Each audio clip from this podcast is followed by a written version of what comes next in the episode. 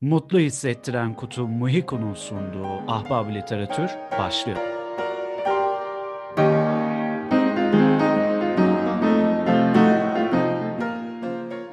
Berna sen şimdi İngiliz edebiyatı, İngiliz edebiyatı bir insansın. Muhtemelen sütlü çaylar tüketiliyor evde. İşte e, Bloody Tueta falan deniyor böyle David Tennant Tuvalete şeyle. lu diyorum falan değil mi? Evet evet. E, Serçe parmağım hep havada. Aynen öyle. Broadchurch'te David Tennant'ın e, şey yaptığı gibi Bloody Tueta falan diyorsun tabii. Twitter'dan nefret Tabii. ederken falan Tabii. böyle. Tabii bunları Sen hep öyle yapıyorum. bir insan olduğun için Evet. ben senden bugün tavsiyeler almaya geldim. Allah Allah. Ne tavsiyesi? Aman aman. Kurban olduğum senden istiyoruz ki İngiliz edebiyatı kitapları bize öner. Ee? Ama çok öner ki biz bilelim ki İngiliz edebiyatını bunları okursak altından girip üstünden çıkar. Canını okuruz İngiliz edebiyatının. Ortamlarda da adımız olur. Yani understanding İngiliz edebiyatı falan yani anladın mı? Sen yine bana kadın düşürmelik tavsiye istiyorsun bak benden. Zaten hayat bu değil mi? Bak geçen mitolojide bunu yaptık. Ben çok laf yedim dedi. Dediler ki sen niye veriyorsun ellerine böyle bir kol? Benim entelektüelliğimle insanları tavlayamazsın anlaç. Kendi entelektüelliğini inşa et. ne yapayım yok. Tamam yardım ederiz işte yaparız bir şeyler. Önce parmağını Yapacak şey kaldıracaksın. Serçe parmağını öyle. Ha, çayı, çayı şöyle mi içiyoruz? Böyle içiyoruz şey. Tamam. Evet peki. aynen öyle böyle içiyoruz. Böyle. Ha, tamam. İzi, i- Podcast'tekiler göremiyor ama serçe parmağımızı kaldırdık arkadaşlar. Serçe parmağı kaldırarak şöyle, Aynen. Şöyle yapıyoruz. sağ- Çayımızı öyle içerken bize okunacak e, kitaplar e, rica ediyoruz senden. Bu kitaplar da böyle İngiliz edebiyatının bir şeyi olsun, serüveni olsun aslında. İngiliz edebiyatı da nereden nereye gittiği de anlayabilelim yani Tabii. aslında. E, şimdi e, kaç tane kitap konuşacağız? Şimdi şöyle ki e, ben lisans eğitimimden yola çıkarak çünkü lisans eğitimimi öyle bir aldım ki yüzyıllara göre ve önem sırasına ve neler önemli neler değil tarzında. O yüzden Tamam. bugün önereceğim kitapların hepsi lisans eğitiminde hocalarımın bana öğrettiği kitaplar. Herhangi bir kredi kabul etmiyorum. Hepsi hocalarımın canım hocalarımındır. E, ben sayı olarak 25 diyeyim. 25 tane önerelim. Çünkü çok daha fazla var ama vaktimiz yetmez. 25 tane kitap. 25 kitap beyler hanımlar raf doldurur. Raf Doldurur. yani raf doldurur. Kitaplık Bir de doldurur. şuna özen göstereceğim. Bu 25 kitabın çevirisi olacak. Çevirisi olmayan çok kitap daha var. Ama Oh. çevirisini bulabileceğiniz kitapları ben söylemek istiyorum sizlere. Çünkü Oh, çevirisi da ne olmadan da var. olsun ya. Evet yani çok var. Daha da ne olsun. Yani. Şimdi Peki o zaman neyle başlıyoruz? İngiliz edebiyatı dediğimiz şeyin tarihsel olarak böyle bir baktığın zaman e, şey var mı? Bir başlangıç kabul edilen işte bildiğimiz anlamda İngiliz edebiyatı başlangıcı kabul edilen bir şey var mı? tabii. Özellikle e, bir milestone hani mihenk taşı. Tabii tabii. E, normalde şimdi İngiliz edebiyatı öyle biliyorsunuz ki her edebiyatta olduğu gibi sözlü edebiyattan gelen, yazılı olmayan edebiyattan gelen bir dönemleri olur. Destan dönemleri olur. Bizim dönemimizde de yani bizim edebiyatımızda da var. Ergenekon destanları falan böyle bir sürü destanımız var. İngilizlerin özellikle e, bunu bu çalışmayı yapan ve bunu canlandıran kişilerden biri J.R.R. Tolkien'dir. Tolkien Hı hı. sayesinde birazcık ortaya çıkmıştır. Bu çok çok çok çok yani konuşulur hale gelmiştir. Beowulf. Beowulf e, İngilizlerin, Anglo-Saksonların destanıdır ve bizim Oğuz Kağan'ımız gibi düşünebilirsiniz Beowulf'u. E, Hı. Beowulf'un yazıldığı dönem 11. yüzyıl. E, herhangi bir yazarı yok, anonim. Fakat epik şiir tarzında ve e, bir Beowulf ismindeki kahramanın e, krallık adına bir ejderhayla ve onun annesiyle savaşma hikayesini anlatır. Elleriyle parçalama kadar güçlüdür Hmm. yani. Öyle bir güçlü kahramandan bahsediyoruz. Ee, ilk epiklerden sayılır Beowulf o yüzden. Ama Beowulf İngiliz edebiyatının en en en en mihenk taşı, en ilk adımlarından biri sayılır. O yüzden Beowulf'u her ne kadar zorlu olsa da yani ben İngilizcesinden okudum. İngilizcesi hali zorluydu. Ee, her ne kadar zorlu olsa da okumanızı tavsiye ederim. Güzel başladık. Evet. Ee, böyle mitolojisinden başlamış gibi oldu Evet. işin. Çünkü her edebiyat aslında bir çeşit mitolojiyle başlıyor. Öyle diyebiliriz. Ee, Tamam. ikinci sırada da 14. yüzyıla geliyorum. Ee, birazcık 300 yılı atladım ama Hı hı. şöyle bir durum var. Artık orta çağa geldik. Biraz daha e, şövalyeler hakim. Biraz daha romans e, hakim bizlere. E, Sir Gawain ve Yeşil Şövalye. İngiliz edebiyatının yine e, önemli taşlarından biridir. Bunun Ee, bir yazarı var mı? E, bu bu da anonim olarak yani Ha. şey tek yazar olarak değil. Yani ben, ben yanlış mı biliyorum diye bir anda şey oldum da. E, Sir Gawain and the Green Knight yani Sir Gawain ve Yeşil Şövalye e, aslında şöyle ki bir romans e, yani Gawain poet olarak geçiyor bu arada. Gawain şairi olarak geçiyor. Hani e, şövalye romansı olduğu için ama yine de hani e, ben resmi olarak hani şu şudur tarzında bir isim bilmiyorum. Gawain poet olarak geçiyor. Yani söyleyen kişidir. Neyse e, bu bir şövalyelik romansıdır. Bu bir e, nasıl diyeyim biraz daha doğaüstü e, kesimlerin, doğaüstü et- e, etkenlerin hikayeye girdiği bir epik şiirdir. E, birazcık katakulli vardır. İşte Gawain'le e, kralın karısı bir şekilde bir şeyler yapar. İşte Gawain'e bir çeşit görev verilir. E, yeşil şövalye ile şey yapılır. Bu yeşil şövalyenin yeşil olmasının bir belli başlı sembolizmi vardır vesaire. E, Beowulf'tan sonra Beowulf biraz daha ilkel bir savaşçıyken Gawain'de biz biraz daha romans, biraz daha şövalyemsi bir havayla İngiliz edebiyatına devam ediyoruz. Yani orta e, çağların e, nasıl diyeyim eserlerinden birine gelmiş oluyoruz açıkçası Sir Gawain ve Yeşil Şövalye'de. E, devam edersem. Şimdi 1516 yılına geliyorum. Şimdi 1516 yılında aslında e, neredeyse bu türün e, belli başlı eserler bu tür yani Ütopya eserinden bahsediyorum. Thomas More'un Ütopya isimli yani gerçekten Ütopya isminde kitabın. Hı hı. E, bu eser Ütopya eserleri arasında en çok bilinenlerden biri ve e, distopya kadar çok fazla yayılmamış bu ütopyalar. Dolayısıyla hala günümüzde de Thomas More'un Ütopyası çokça okunur, çokça bilinir.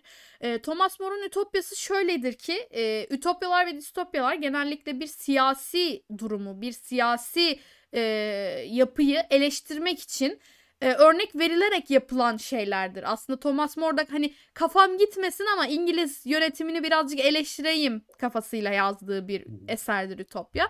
Bakın orada böyleler biz de böyle olalım tarzında yazdığı bir şeydir. E, Ütopya'da o yüzden önemli bir yer kaplar. E, ilk eserlerden biri Ütopya adına. Dolayısıyla e, önemlidir. 1516 yılında yazılmış bu eser. Sonra, Peki mesela ha, bunlar şimdi bunları konuştuk ya. evet. e, böyle e, bana biri geldiğinde kardeşim say İngiliz edebiyatının 10 emirini say dediğinde On emrini. Anladın mı? Hı hı. Ee, böyle kitaplardayız şu an değil mi? Böyle eserlerdeyiz. Evet evet hani- yani ben size kesinlikle kendi lisans hayatım boyunca öğrendiğim ve temel eser olarak İngiliz edebiyatının temel eserleri olarak gördüğüm kitapları söylüyorum. Kaldı ki sonlara doğru yaklaştığında biraz daha farklılaşabilirim. Hani sonlarda çünkü modern edebiyatta biraz daha değişik değişik daha çok isim var ya. O yüzden sonlardan bir iki tane kendi beğendiğimi seçmek istedim. Öyle diyeyim size. Ama bunlar mihenk taşları. Yani tamamen yazarlar veya eserleri. Yazar ismini söylediğim zaman zaten diğer eserlerini de okursanız sizin için fayda olur. Ben 25'e sınırlamak zorunda olduğum için birazcık sıkıntı çektim. Şahane. Devam. Devam edelim. Şimdi e, döneminin 1590 e, döneminin en e, tartışmalı yazarlarından biri olarak ve e, bir başka kimliği de olduğu inanılan e, kişiden bahsedeceğim. Christopher Marlowe. Kendisi Maltalı Yahudi isimli bir oyun yazıyor. Bu Maltalı Yahudi, Jew of Malta yani e, önemlidir. Neden? Çünkü o dönemlerde e, kaldı ki bayrakları asabilirsiniz. Orada Türklerden de bahsedilen bir yer geçiyor arkadaşlar. E, o, o yüzden de okuyabilirsiniz istiyorsanız. E, şöyle ki o dönemde İngiltere'de yaşayan Yahudilerden e, İngiltere diyorum ama aslında oradaki setting, oradaki ortam İngiltere değil. E, orada İtalya'da bahsediyor yani Maltalı Yahudi'de. E, orada İtalya'da geçen bir hikaye. Ama tabii ki de İngiltere'den de e, bir nasıl diyeyim mesaj verme kaygısı olduğu için tabii ki de e, kendi toplumlarında yaşayan Yahudilere karşı olan bir e, bakış açısıyla yazılmış bir e, eser diyebilirim. Burada Yahudi olarak ele aldığımız karakter Barabas e, açısından çok fazla okuma yapılır. Çok fazla e, bakış açısı çıkar ve onun sayesinde işte kötü karakter midir aslında değil midir? Yoksa kötü karakterin justify edilmesi yani normalleştirilmesi açısından önemli bir okuması vardır. Ee, ve ekonomik anlamda da e, okuma yapılır bu kitaptan. O yüzden Christopher Marlowe'un Maltalı Yahudisini öneriyorum. 1590 yılında yazılmış. Şimdi gelelim 5. kitabımıza. Christopher Marlowe'un olduğu iddia edildiği kişi ve aslında bu söyleyeceğim kişinin var olmadığını düşünülüyor. William Shakespeare. William Shakespeare ile Christopher Marlowe aslında aynı kişiymiş diye düşünülüyor. Birçok itham var bu yönde. Christopher Marlowe William Shakespeare adı altında ürünler, e, oyunlar, e, kitaplar yazdı diye söyleniyor. Ancak tabii ki de buna karşı herhangi bir e, kanıtımız tam yani katı bir kanıtımız yok. Şimdi William Shakespeare'e tabii ki de geleceğim. William Shakespeare'in hatta iki kitabını önereceğim. Daha fazlasını da önerebilirdim ancak e, yani sığmaz. William Shakespeare İngiliz edebiyatının e, zirvesi yani Osmanlı döneminin kanuni zirvesi ise William Shakespeare de İngiliz edebiyatının zirvesi kanunisi gibi düşünebilirsiniz. Hı hı. William Shakespeare'in 1606 yılında yazdığı Macbeth özellikle Macbeth'i seçtim çünkü benim için Shakespeare'in en en en en iyi oyunlarından zirve oyunlarından biridir Macbeth. Ee, ve bir de 1609 yılında yazdığı Hamlet. Bu iki oyunu da krallıklarla ilgili olan oyunlarıdır. Macbeth'te e, şöyle ki hırsın ve e, nasıl diyeyim biraz daha bu iktidar hırsının öldürme e, şeylerinin ve entrikaların olduğu hatta ve hatta cadı unsurunun oyunun içine girdiği bir oyundur. Yani e, cadıların da kaderin de e, çok etkili olduğu bir oyundur.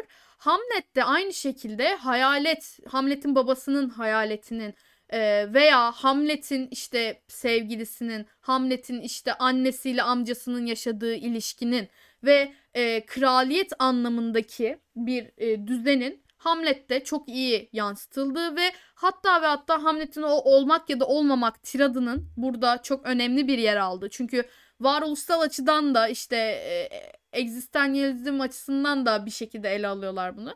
Çok güzel yorumlanabiliyor yani. E, Hamlet'i ben mesela Macbeth kadar çok sevmem ama yine de önemli bir eseri olduğunu düşünüyorum. Romeo ve Juliet'i almaktansa Hamlet'i alıyorum tabii ki de. Çünkü Hamlet e, İngiliz edebiyatının en en en en önemli eserlerinden biridir. Şimdi gelelim Sir Francis Bacon'ın Yeni Atlantis isimli kitabına 1627 yılındayız. Ee, Yeni Atlantis tıpkı Thomas More'un Ütopyası gibi Yeni Atlantis de bir ütopya eseri ve e, şöyle ki yeni bir düzenden, yeni bir siyasi ve e, toplumsal düzenden bahsediliyor Yeni Atlantis'te ve böyle böyle bilimsel gelişmeler var. Bakın hadi örnek alalım tarzında. Yine Sir Francis Bacon'ın yazdığı bir eserdir. E, yine hani kafam gitmesin, kellem gitmesin ama hani yazayım bak kızım sana söylüyorum gelelim sen anla mantığında yazılan bir ütopyadır. Yeni Atlantis'i de o yüzden tavsiye ediyorum. Şimdi e, bu Shakespeare'den sonra aslında Shakespeare biraz daha bunun dışında yazmış ama bu dönemlerde bahsettiğim işte Yeni Atlantis olsun, Ütopya olsun, Maltalı Yahudi olsun biraz daha dönem eleştirisi gibi de algılanabilen kitaplar. E, dolayısıyla şimdi bahsedeceğim kitap tam bir dönem eleştirisi anlamında.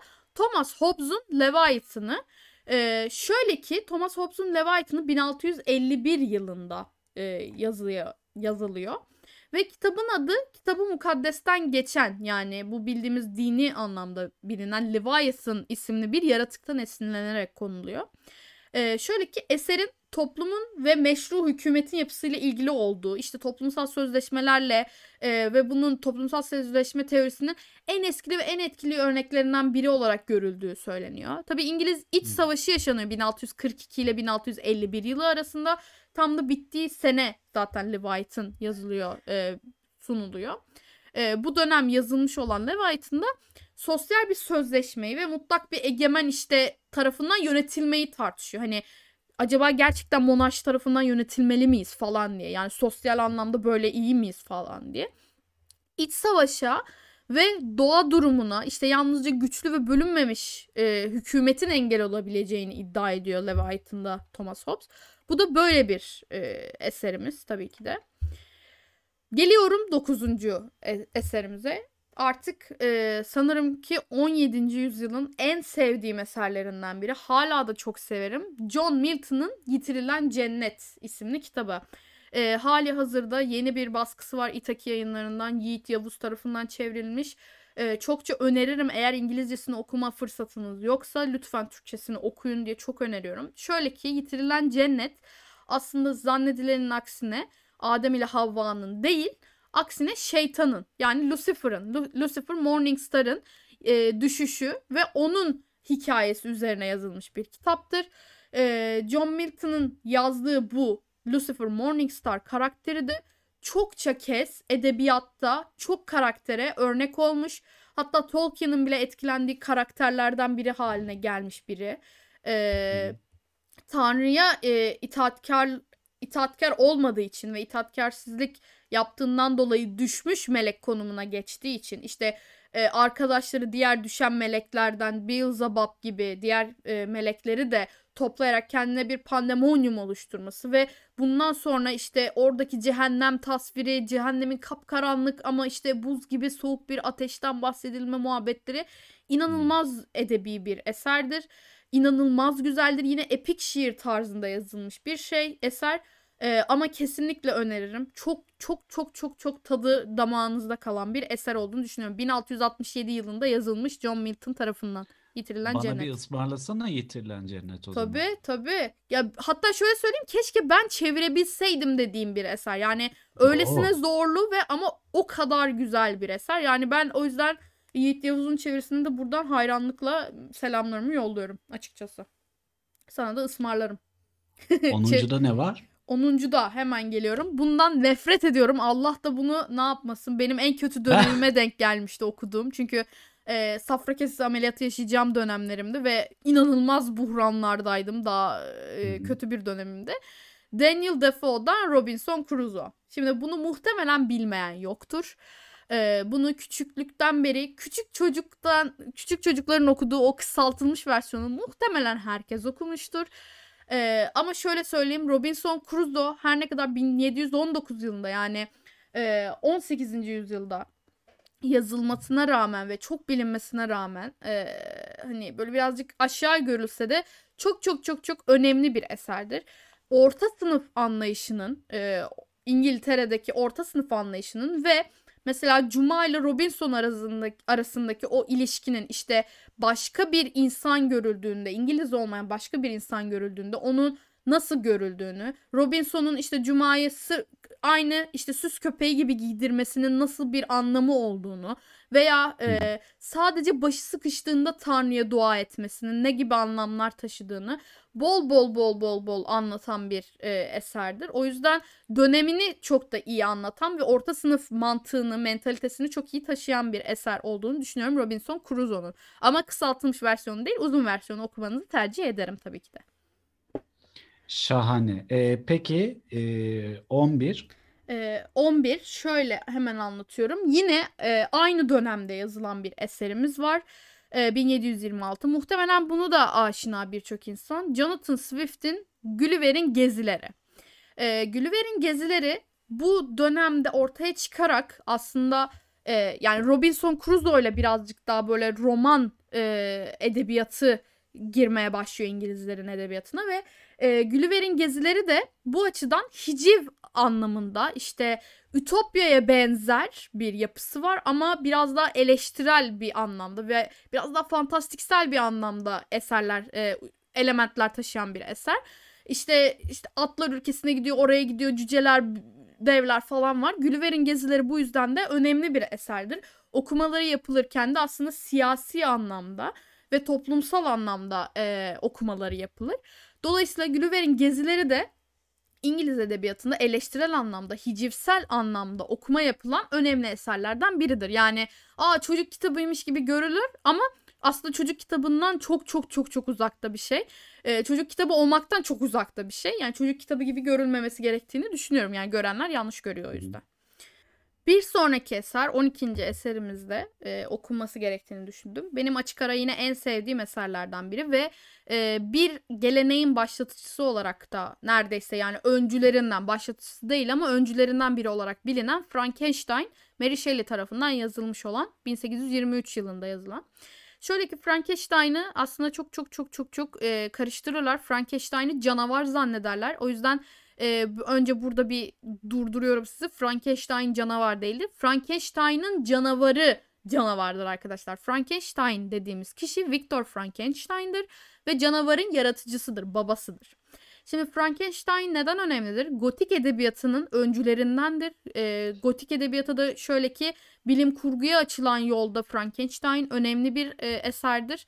E, Frankenstein'ın canavarı olan, yaratılan canavar bir şekilde elektrikle hayat verilen ve farklı e, vücut parçalarının bir araya getirilip bir insan oluşturulmasındaki e, o hikaye örgüsü Frankenstein'daki e, korku edebiyatındaki bilim kurguya doğru giden yolculuğu, yolu açan bir önemli etkendir ve e, aslında sanılanın aksine canavar odaklı değil. Canavar kitabın çok az yerinde konuşur, çok az yerinde yer alır aslında. Frankenstein'ın yani Victor Frankenstein'ın hayatını hatta ki hatta e, başlangıcında mektuplarla anlatılan bir e, kitap olarak yer alır.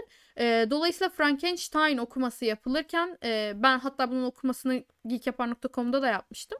E, böyle biraz daha masumiyet yani Frankenstein'in canavarındaki masumiyetle insanların pislik e, ve yoz insanlar olmasındaki arasındaki farkı genelde bir okuma yaparım. Ama e, bilim kurguya giden yolda da çok önemli bir eser olduğunun altını çizerim. E, devam edeyim mi? Devam evet, ediyorum. Bir sonrakini de merak ettim. Tabii. E, 13.ye geldik. E, 13.de tabii ki de e, kim var? Charles Dickens var. 1838 Ay yılında canım. yazdığı Oliver Twist. Normalde bu da Oliver Twist de çok çok çok e, çocuk kitabı olarak bilinir ve çocuklara nedenini bilmediğim bir şekilde e, sık okutulur kısaltılmış versiyonu. Kaldı ki Oliver Twist öyle bir karanlık, öyle bir e, iç karartıcı dünyası olan bir kitap ki yani sırf birazcık daha alabilir miyim diye bir çocuğu dövülen, bir çocuğa işkence edilen, bir çocuğa yapılmaması gereken şeyler yapılan bir kitaptan bahsediyoruz. Hı-hı. Ve İngiltere'nin e, endüstri devrimiyle birlikte e, yani o sanayi devrimiyle birlikte yaşadığı ve kapkaranlık işte kömür karası o dünyasının ne kadar yozlaşmış olduğu dünyasını çok iyi yansıtan bir kitaptır. E, yani şöyle söyleyeyim o zamanlar çocuk işçiler var ya çocuk işçiler e, bacaları temizlemekle görevlendiriliyor ve o çocuklar bacaları temizlerken bacaların içine giriyor ve orada ölebiliyorlar. Böyle bir dünya o Oliver Twist'in dünyası ve inanılmaz iç karartıcı, inanılmaz ciğer dağlayan bir kitap bence.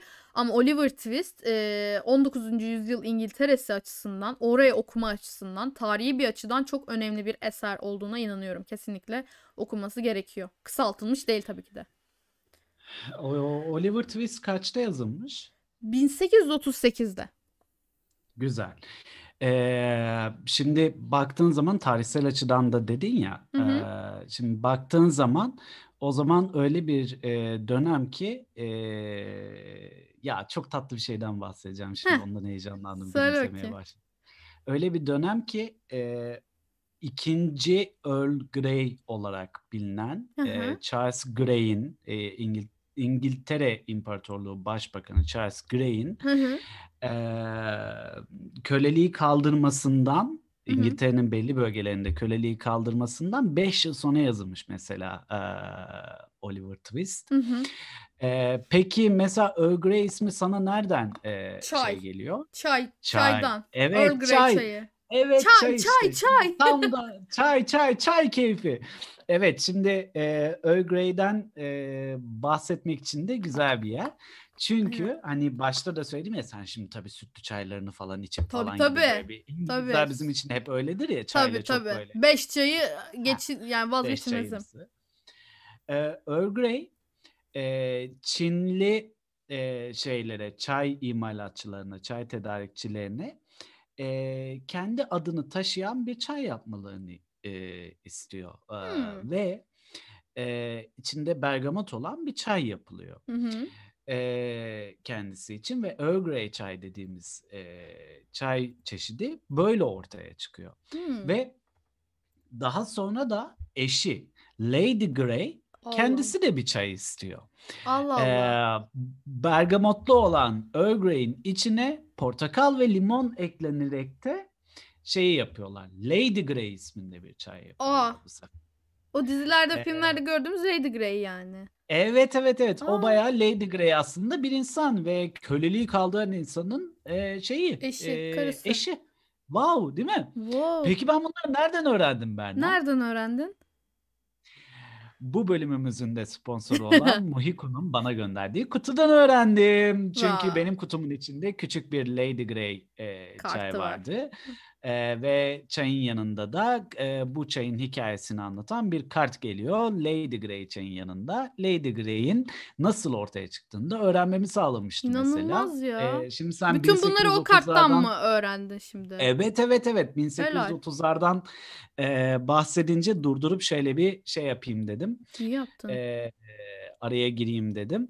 E, İnanılmaz ya. İngiliz edebiyatından bahsederken çaydan Çay konuşmamak tabii olmaz. ki de. Yani. olmaz. E, tatlı çay çeşitlerinden biri olan e, e, Lady Grey ve Earl Grey de böyle ortaya çıkmış. E, Muhiko bizim bu bölümde de e, Sponsorumuz. destek sponsorumuz. Birazcık paralar yattı. Paralar yattı yalan yok.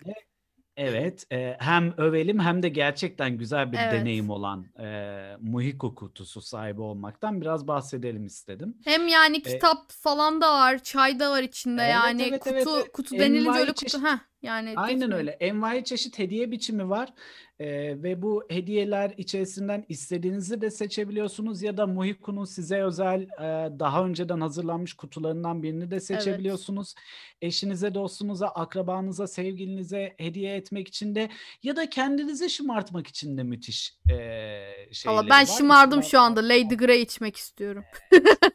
Ben farklı farklı bir kaşık göndereyim mi sana? Tabii tabii lütfen. Bir, ben de sana Çin ç- bir tane topçuk yollarım. Üç tane topçuk vardı Yaşasın. içinde. Tamam anlaştık. Anlaştık. Ee, şimdi e, muhiku.com'a girerek dediğim gibi hem daha önceden hazırlanmış kutulardan birini seçebilirsiniz hem de kendi kutunuzu da oluşturabilirsiniz. Ee, burada ahbab literatürün dahili de şurada e, gerçekleşiyor. Edebi 15 sayıyla 15. Edebi 15 kodunu kullanarak, indirim kod- kodunu kullanarak 40 lira ve üzeri alışverişlerinizin tamamında e, 15 liralık bir indirim sahibi olabiliyorsunuz. Böylece hem sevdiklerinizi hem kendinizi daha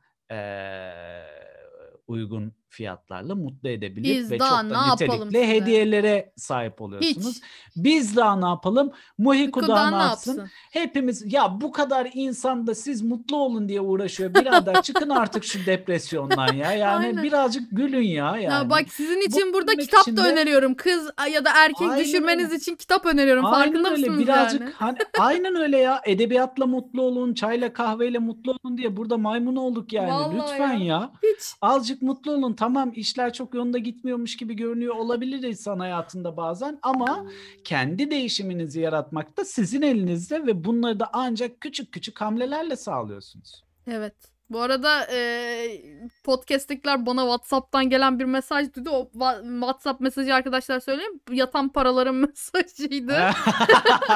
E, dediler ki paranız yatmıştır. Peşin peşin kullanın Paranız diye. yapmıştır. Yani arkadaşlar hiç kapat hiç kapat WhatsApp'ı. hiç çekinme kapattım. Hiç çekinmeden bizim e, kodumuzu kullanın ki siz de kazanın biz de kazanalım mis gibi. Bak ben Yani açık evet, bir insanım arkadaşlar. Para yattı mı yattı. Ben size açık açık Bunlar söylüyorum. böyle. Yani öyle ay aman reklam yapacağız diye ciddiyetsiz şeylerde yokum ben. Bak onlar da dinliyor şu anda. Ben onlara da sordum nereden olur bağladık dediler. ama bak mesela Ya. Muhiku'dakiler bile şu an şey diyordur ulan ne yaptı be. Nasıl bağlamak ulan görüyor musun falan. İşte bizim de yeteneğimiz bu arkadaşlar. Ya. Andaç işte Ya Andaç böyle bir insan gördüğünüz üzere. Samimiyet satar. Samimiyet satar Ee, kesinlikle. Peki o zaman geri dönebilir miyiz? Tabii ki de tabii ki de hemen geri dönerim ben. Tamam. e, Oliver Twist'ten bahsettik. Evet. Şimdi neredeyiz? Şimdi 14. kitabımızdan bahsediyorum. Yine Charles Dickens. Charles Dickens önemli bir kişilik çünkü Zaten. e, edebiyatın ilk rockstarlarından sayılabilecek bir insan. Yani kitaplarını okumak için insanlar e, kapıların önünde yattığını düşün. Öyle bir dönem. Hani ben bunu ilk okuyacağım diye hani gazeteleri ilk okumak için e, gerçekten gazete kuyruklarının önünde e, yatan insanlar vardı. Charles Dickens'ın yine Charles Dickens tabii ki de e, genelde aynı tarzda yazıyor gibi gözükür. E, Zor Zamanlar isimli bir kitabı var. 1854 e, yılında yazılmış. Hard Times olarak. Gerçi Türkçe baskısı e, var mı bilmiyorum. Eski Türkçe baskılardan bulabilirsiniz. Güncel olarak olup olmadığını emin değilim sadece ama Türkçe e, çevirisi var. Zor zamanlarda şöyle tıpkı Oliver Twist gibi yine İngiltere'nin bu karanlık e, ve çocuk işçiliği yaptırılan işte endüstriyel devrimde, sanayi devriminde ne kadar pis bir ortamı olduğunu ve e, çocuklar kullanılarak ya da insan ilişkileri kullanılarak ne kadar pislikleşilebildiğini gösteren bir kitaptır. Yine dönem kitabıdır. Dönem hakkında bilgi alınabilecek en e, yegane eserlerden biridir. Tıpkı Oliver Twist gibi birbirine çok benzer eserler bunlar yine. Ee, var bu arada baktım da var. Hı, var e, mı? Zor zamanların birkaç farklı baskısını Baskısı buldum. var. Yani Çok çevirilerini güzel. bilmiyorum ama var Evet tabii. ben de çevirilerini bilmiyorum. Ben İngilizce okuduğum için hani e, ne kadar iyi bir çevirisi olup olmadığından haberim yok. O yüzden yalan olmasın. E, ama Türkçe çevirisinden okuyabilirsiniz tabii ki de. Şahane. E, şimdi devam edelim. Bu İngiliz edebiyatının en e, zampara demeyeyim de en yaramaz çocuklarından birine geliyorum. Oscar Wilde. E, kendisinin 1895'te yazmış olduğu e, İngilizcesi The Importance of Being Earnest ama Türkçesinde ciddi olmanın önemi olarak çevrilen bir oyunu. Çok havalı isim. Çok, Çok. havalı isim. Çok. Oscar Wilde öyle bir adam ki e, aslında dönemine göre yani bayağı modern de sayılabilen bir adam ve yaramaz bir çocuk olarak tabir ediyorum ben onu. Neden Dorian Gray'in portresini almadım e, diye sorarsınız. Dorian Gray'in portresi biraz daha gotik bir eser ama Oscar Oscar Wilde janra yazarı değil. Yani gotik yazarlardan biri değil. Daha çok farklı kitaplarıyla tanıyın ve Dorian Gray'in portresini zaten biliyorsunuz. Biraz da bilmediğiniz bir eser olsun istedim. Bunun da Türkçe çevirisi olduğunu biliyorum. Ee, ama çevirisinden bir haberim yok nasıl bir çeviri olduğundan yani. Ee, ciddi olmanın öneminde şöyle ki inanılmaz bir hiciv eseri. Yani hem komedi unsuru var hem laf sokma var ve yani e, içeri içerisindeki karakterler şöyle söyleyeyim ben bunu e, çok sevgili hocam Murat Hoca sayesinde İngiliz Dil Edebiyatı'nda İngiliz tiyatrosu eğitim e, hocamız Murat Hoca sayesinde sağ olsun var olsun öğrenmiş oldum ve okurken çok zorlandığım bir kitaptı ama çok da zevk aldığım bir kitaptı. Ee, inanılmaz komik aslında. Yani edebiyatta sanırım oyun anlamında gerçekten e, sahnelenebilecek oyunlardan biri. Ama tabii ki de Türkiye'de sahnelenebileceğini düşünmüyorum. Çünkü e, kadın kılığına giren erkekler erkek kılığına giren kadınlar birazcık böyle e, şaşalı konuşan tipler işte komik şeyler ve espriler biraz daha e, güncel olmayabilir ama o dönemdeki esprilere çok uygun falan e, gayet önemli bir eser olduğunu inanıyorum Oscar Wilde'ın Ciddi Olmanın Önemi isimli kitabının. Şimdi e, tabii Oscar Wilde'ı araya kattım ama gelelim biraz daha yine gotiklere. Ya biraz daha korku unsurlarına. Gotik değil de korku edebiyatının önemlilerine. E, 1898 yılında Henry James'in Yürek Burgusu e, Turn of the Screw isimli kitabı. Bunun yine sanırım Itaki'den güncel baskısı var korku edebiyatı kitaplığından, serisinden. E, şöyle ki bu Yürek Burgusu e, çok korku eser e, eseri olarak görülür. Hani gotik değil ama gotiğin bir şekilde edebiyata e, mimari olarak bir e, setting, yer e, anlamında girdiği bir eserdir e, Yürek Burgusu. Hı hı. Ve temelinde bir öğretmenin, bir muallimenin e, zengin bir adamın çocuklarına öğrencilik yapmasıyla başlayan ama e, paranormal bir şekilde e, olayların gelişmesiyle devam eden bir eserdir. E, dışarıdan baktığınızda basit bir hikayesi var gibi gözükse de edebiyatta e, bilinmeyenin korkusu anlamında ve sonunun etkileyiciliği anlamında sonu hakkında hiçbir bilgi vermiyorum. Çünkü sonunda da ne olacağı aslında Inception gibi birazcık size bırakılmış gibi bir şey e, diyebilirim. E, o açıdan önemli bir eserdir. Gotik olması da gotik eser, e, gotik elementler içeren bir korku romanı olarak yer alır. O yüzden e, Henry James'in Yürek Burgusu da gayet önemli bir kitaptır. Bir ufak araya gireceğim bu Tabii arada. ki de, Ee, tabii ki de. Devlet Opera Balesi'nde, İstanbul Devlet Opera Balesi'nde ben opera olarak izlemiştim Turn of the S- Aa, Screw'u. Aa, Ee, evet, e, o elimde de çok onun güzel. e, Aa, librettosu duruyor şu an. çok güzel. Ee, Piper e, Evet. librettosunu hazırlamış Hı hı, ee, ve e, Britten'da bestelemişti. hı hı. Ee, operasını da çok sevmiştim. Kitabını okumamıştım ama operası çok çok hoşuma gitmişti. Hı hı. Ee, eminim Yani hani şeye baktığınız zaman o dönemi anlamak açısından gerçekten o gotik dokuyu anlamak Evet, açısından evet. Yani çok, şehir eee, dışı bir hayatı anlama açısından. Özellikle bu önerdiğim kitaplar beğenmeyebilirsiniz. Hani türünün çok çok çok iyi örneği olmayabilir. Mesela Macbeth gibi hepsini böyle çok Hmm. üstün özellikleri olan kitapları önermedim belki size ama beğenmeyebilirsiniz ama İngiliz edebiyatında önemli bir yeri olan ve size o dönemin İngiltere'sini veya işte o dönemdeki edebiyat anlayışını yansıtan işte şehirle e, ne bileyim e, taşra arasındaki farkı anlatan çok önemli eserler bunlar. O yüzden bunları seçtim. Bu arada operası Allah'ım olduğunu nasıl duymak da çok ya. ilginç geldi. Süreyya. Operası'nda Hmm. opera izlemeyi, bale öze- izlemeyi nasıl Hmm. özledim anlatamam Aga sana. be. Allah kahretsin böyle hayatı Koronanın, ya. püh koronanın, püh. Of, of, devam. Şimdi geliyorum 17. kitabımıza 1916 artık 20. yüzyıla geçtik arkadaşlar ve şöyle ki benim muhtemelen okumakta en çok zorlandığım yazarlardan biri ve eserlerinden biri. Sanatçının bir genç adam olarak portresi James Joyce tarafından 1916 yılında yazılmış. Şimdi bu kitaptan daha önceki bölümlerden birinde de bahsetmiştik. Zor yazar e, bölümünde. James Joyce okuması zor yazarlardan biri. Neden? Çünkü bilinç akışı tekniğiyle yazıyor. Ve bilinç akışı dediğiniz şey hani aklınıza atıyorum bir cisim görüyorsunuz, bir bardak görüyorsunuz ve o bardaktan yola çıkarak başka düşünceler silsilesi takip ediyor birbirini. Ve alakasız olmasına rağmen sizi bir yere sürüklüyor. James Joyce'un yazdığı bilinç akışı tekniği de aynen bu şekildedir. Çocukluğundan yetişkinliğine doğru inanılmaz bir akıntıyla sizi sürükler, okutur. Ee, ama benim içine giremediğim bir eserdir. Benim içine giremediğim bir tekniktir bilinç akışı tekniği. O yüzden çok çok çok çok sevdiğimi söyleyemem ama James Joyce e, İngiliz edebiyatı açısından bir İrlandalı olarak yani Britanya edebiyatı açısından çok önemli bir kişiliktir. E, Ulysses'ini neden almadım? E, çünkü Ulysses çok zor bir eser. Benim bile e, ardım yemiyor okumaya. Hani bir mezun olarak, bir İngiliz edebiyatçısı olarak. Kaldı ki Kalın yeni kitap aga. ka- Kalın kitap dediğin zordur anladın mı? Kalın ya Ya kitap. kalın kitaplardan korkmamanız lazım aslında. Kalın kitaplar en daha rahat okunanlarıdır ama Ulysses çok zor bir eser. Ee, yani İngiliz edebiyatının artık Allah'ı olmuş bir eser. O yüzden e, tabii ki de yeni girenler için önermiyorum. Ee, sanatçının bir genç adam olarak portresini okursanız daha nispeten kolay olabilir Ulysses'e göre. Ama yine de zorluğu var onu söyleyeyim. Şimdi 20. yüzyıla geldik artık bakış açıları değişiyor. Ee, bilinç akışı tekniği girmiş. Biraz daha farklıyız. Biraz daha feministiz artık. Burada sahneye Virginia Woolf geliyor. Ve Virginia Woolf 18. sırada 1925 yılında yazmış olduğu Mrs. Dalloway isimli kitabıyla giriyor sahneye.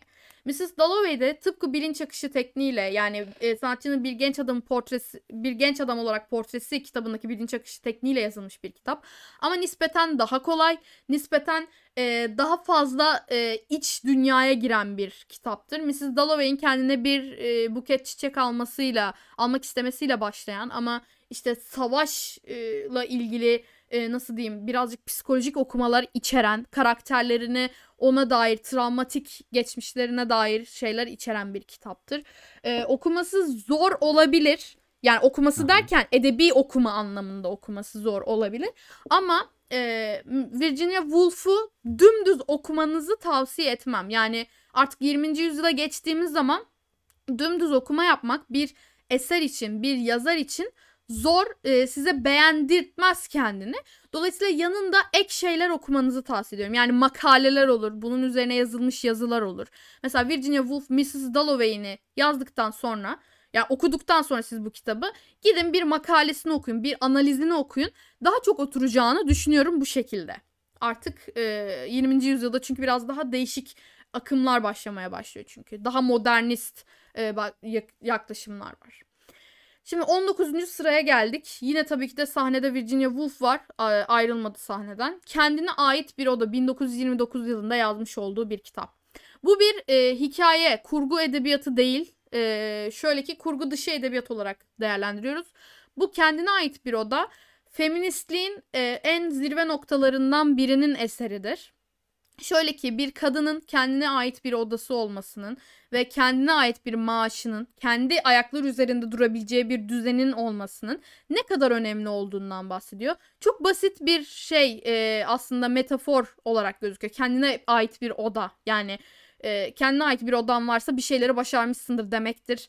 E, mesajı aslında çok basit bir metafor olarak gözüküyor ama okuduğunuzda yavaş yavaş ve sindire sindire okuduğunuzda anlayacaksınız ki aslında feminizmin ve kendi ayakları üzerinde duran kadınların e, gerçekten ne kadar zorlu süreçlerden geçtiğini anlayabiliyorsunuz. Bir de e, kurgusal bir karakter olarak Shakespeare'in kız kardeşini yaratıyor kendisi. Bu kitapta Shakespeare'in kız kardeşi olsaydı nasıl olurdu gibisinden what if senaryosu çıkartıyor. E, bu açıdan da çok önemli okumalar yapılır kendine ait bir oda üzerinden. E, dolayısıyla öneriyorum. Ne olursa olsun okumanızı tavsiye ederim. Şahane. Şimdi devam ediyoruz artık sonlara yaklaştık. 20. sıradayız ve e, biraz daha modern, biraz daha bilim kurgulara doğru gitmeye yol açıyoruz. E, burada 1932 yılında yazılmış Cesur Yeni Dünya var Aldous Huxley tarafından. Ben burada bir, bir distopya eseri olarak e, Cesur Yeni Dünya'yı ele aldım. 1984'de ele almadım çünkü 1984'de artık herkesin diline pelesenk olmuş bir şey. Cesur Yeni Dünya'nın o kadar konuşulmadığını düşünüyorum nedense ve İngiliz edebiyatında çok çok önemli bir yeri de olduğunu e, eminim. Şöyle ki Cesur Yeni Dünya e, modernleşen dünyamızın, modernleşen ve teknolojiye e, evrimleşen bir dünyanın e, distopya açısından nasıl bir geleceği olduğunu düşünüldüğü ve her şeyin organik veya sentetik olarak değerlendirildiği, işte çocuk doğumunun bile e, gerçek anne babalar tarafından yapılmadığı, yapay ortamlarda yapıldığı bir dünyadan bahsediyoruz. Distopik eser olarak e, çokça önemlidir Cesur Yeni Dünya. Dolayısıyla distopya okumak isterseniz girişinizi de bu kitaptan yapabilirsiniz diye düşünüyorum. Belki birazcık sizi çekmeyebilir çünkü gerçekten yapaylık ve organiklik e, savaşı çok var burada. Çokça yapılır. Okumaları da bunun üzerine yapılır. E, ama bir distopya eserine başlamak istiyorsanız bunu öneririm şahsen. Yani en azından 1984 kadar içinizi e, şey yapacak bir eser değil en azından. Allah'ım biz bu günleri o, o günlerde görmüş George Orwell falan tarzında bir mantıktan bir mentaliteden bunaldıysanız Cesur Yeni Dünya'yı öneririm. 1932 yılında yazılmış. Bir şey araya gireyim mi? Tabii ki de. Huxley'den neden algının kapılarını almadın? Ee, bilmiyorum canım böyle işte. Cesur Yeni Dünya Ha, istedi. O yüzden. Ha, özellikle şey değil yani. Hani özellikle herhangi bir nedeni olan bir şey değil yani. Yok yok mi? yani dedim ya başında da e, bizim lisans dönemi boyunca okuduğumuz şeylerdi diye bunlar. O yüzden hani algının kapılarını mesela okumamıştık o dönem. O yüzden onu almak istemedim. Daha çok işte Cesur Yeni Dünya'yı aldım. Hani o şekilde. Şahane. Devam. Ee, şimdi geldik 21. sıraya. Burada distopyalara işte bilim kurgulara giriyoruz dedim ama burada bir adım geriliyoruz ve e, birazcık daha absürt tiyatro, absürt e, hikayelere giriyoruz. E, şöyle ki 1953 yılında Godot'u beklerken Samuel Beckett tarafından yazılmış bir e, eser. Godot'u beklerken, Godot'u beklemek algısının e, ne olduğunu bu kitapta, bu oyunda öğreniyorsunuz ve e, iki farklı karakterin birbirine bakarak ne kadar uzun süre bakabileceğini ve ne kadar uzun süre anlamsız bir e, varoluşsal süreç içerisinde var olabileceğini ama yine de bir ayakkabıdan, bir saatten, bir çift e, ne bileyim başka bir şeyden çıkarılabilecek mesajların çok fazla sembolik e, içeriğin olduğu bir eser Godot'u beklerken zaten kendini e, kendi isminden zaten Godot'u beklemek orada bir semboldür, orada bir metafordur. Gerçekten Godot isimli bir karakter ya da biri var mıdır yok mudur onu öğrenme aşamasında keşfettiğiniz semboller, referanslardır. Dolayısıyla Godot'u beklerken de e, felsefi açıdan önemli bir modern eser olarak sayılı 20. yüzyılın ortalarında yazılmış bu eser. Devam ediyorum. 1954 yılında yazılmış William Golding tarafından yazılan ve e, temeline çocukları alan ama aslında bir çocuk kitabı olmaktan çok uzak olan Sineklerin Tanrısı es- isimli eser. Şöyle ki e, temelinde bir grup çocuğu alıp bir adaya atarsanız ne olur sorusundan yola çıkılarak yazılmış bir kitap olarak düşünebilirsiniz bunu. Ee, bunun da çevresi Sevin Okyay tarafından yapılmıştı Yapı Kredi yayınlarından yanılmıyorsam ya da e, İş Bankası olması lazım. Yapı Kredi de İş Bankası. Ee, onu okumanızı tavsiye ederim. İncecik bir kitap ama ince olması gözünüzü korkutmalı bence. Çünkü içinde çok fazla sembolizm, çok fazla anlam var. Ha buna rağmen okunuşu nasıl? Okunuşu çok güzel, çok rahat, çok akıyor. Ee, ama gerçekten bir grup çocuğun e, nasıl diyeyim e, o ada içerisindeki gösterdiği davranışlar işte birbirleriyle çatışmaları acaba insan doğuştan mı e, tertemizdir doğuştan mı masumdur sorusunun yanıtını almaya çalışmak açısından inanılmaz bir eserdir.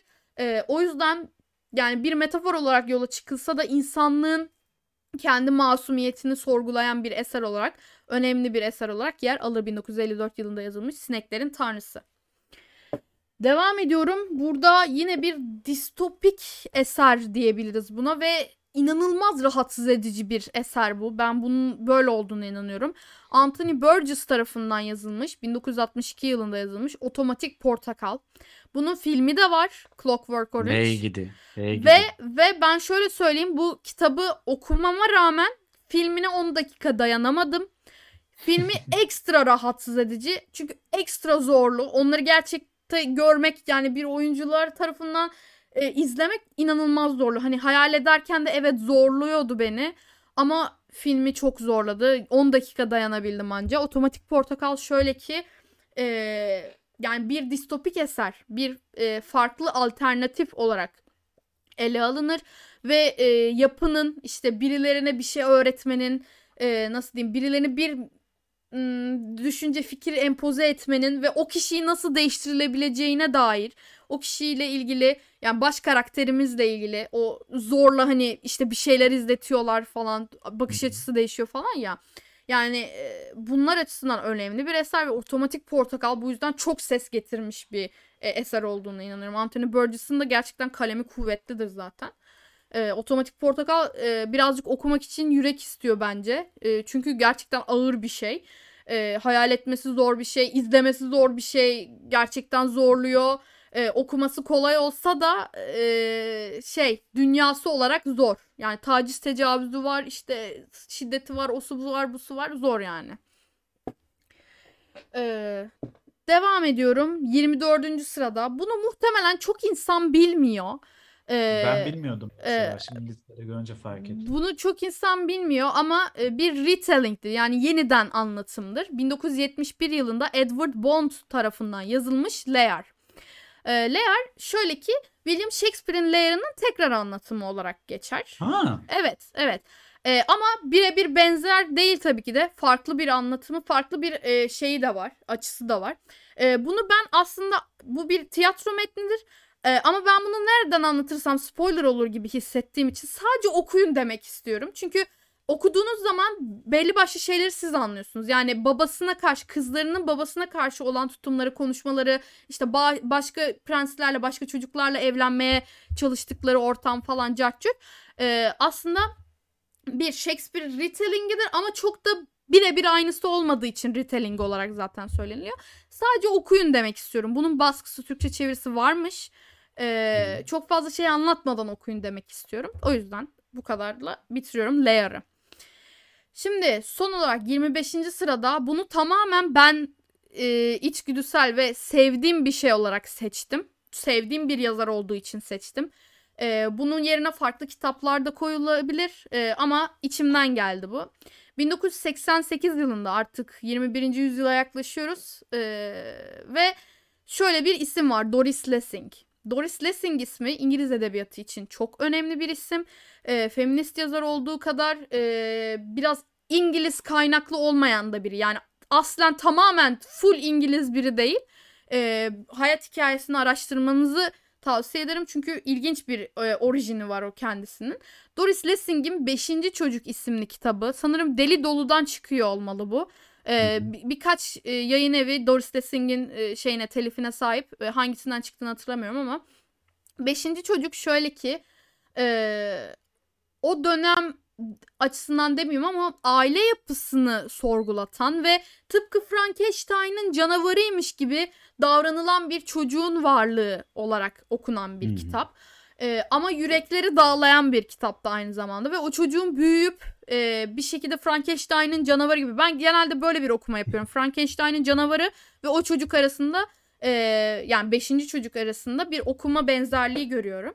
E, dolayısıyla benim okumam öyle ama siz okuduğunuzda ne görürsünüz ne anlarsınız bilmiyorum. Biraz yürek dağlayan birazcık e, istenmeyen çocuk e, stereotipini yansıtan ama bir o kadar da e, size sorgulatan Yani düşüncelerinizi, aile yapılarını, aile içindeki ilişkileri, ne bileyim ekonomik şeyleri sorgulatan çokça e, önemli bir eser olduğunu düşünüyorum. Tabii ki Doris Lessing yerine başka birini de koyabilirdim ama bu benim içimden geldiği için Doris Lessing koymak istedim. Kendisini çok çok çok çok severim çünkü.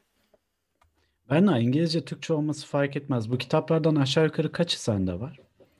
E, kaçı bende var? Hı hı, Bakayım. Elinin altında. Aslında hepsi elimin altında var. İngilizce ya da Türkçe olmadan. Hepsi var. Hepsi Tamam. var. Ee, o zaman şöyle güzel bir fotoğraf çeker misin bize bu bölümü paylaşırken? Hepsini bulup çıkarmam ama zor olabilir. Çünkü çoğu benim e, lisans dönemimden kalma hani Hmm. böyle dosyaların Hmm. içinde ya. Bazıları Hmm, öyle. O anladım. yüzden hard copy olarak tek başına yoklar yani. Bazıları zaman- dosya içinde. İşte bir iki tanesi hard copy olanlardan birkaç Tabii. tanesi de olur. Tabii, Hiç tabii, onları da Elinin çekerim. altındakilerden. Ha, Tamam, elimin altında. altındakilerden birkaç tanesini şöyle Türk- Türkçe, İngilizce fark etmeksizin Tamam. birazcık böyle iştah kabartırısı hiç Tamam, yoktan diye düşünüyorum. Tamam. Ama ben öyle havalı havalı çekemem. Yanına çay kahve koymayın tamam. Yok Şeyi- koyamam. Üzgünüm. Kuskoyu koy. Kusko'yu koyarım. Tamam. Kusko. Kedim olur. Tüm kitapları üst üste koyup kediyi de üstüne koy. Öyle. Kediyi de yanında hediye ediyoruz değil mi? Kediyi yanında hediye ediyoruz. Aynen öyle. E ne oldu kız düşürebilecek misiniz böyle ya da bey düşürebilecek misiniz? Tam Gençler. olarak onu diyecektim. Muhi konusunda ahbab literatür, e, hanım ve bey düşürme konusunda İngiliz edebiyatının rolünü açıklayan bölümüyle beraberdi. Ama farkındaysanız kitabı okumanızı tavsiye ettim ben size. Ama 25 kitabı oku, okumanızı söyledim. Yani direkt olarak Bir şey açıklamadım. söyleyeceğim. Zaten aslında bakacak olursan yani hani bunların hepsi bahane de 25 kitabı pe- peş peşe okuduktan sonra zaten Peş sen peşe okumayın bu bir arada. şekilde- Peş ya hayır peş okumayın peşe okumaktan kastım şu. 25 adet kitabı okuduktan sonra mesela atıyorum bir yıl içerisinde Hı. e, işte birkaç ay içerisinde her neyse nasıl yayıyorsanız zamanı 25 kitabı e, okuduktan sonra senin zaten etrafa da kadınlara da Bakış açın de, değişiyor. hayata da bakış açın zaten değişeceği için işte bu noktada zaten ister istemez e, ikili Entelektüel ilişkiler- oluyorsun. İkili ilişkilerinde başarıyı zaten aşağı yukarı böyle sağlıyorsun. Ha Evet. ben niye bu haldeyim o zaman bilmiyorum. Ee, Kıyamam ya. öyle deme öyle deme. aa, Öyle kapatı deme. şimdi. Biz kapatıyoruz. Öğretmenim anda çağlıyor çıkabilir mi?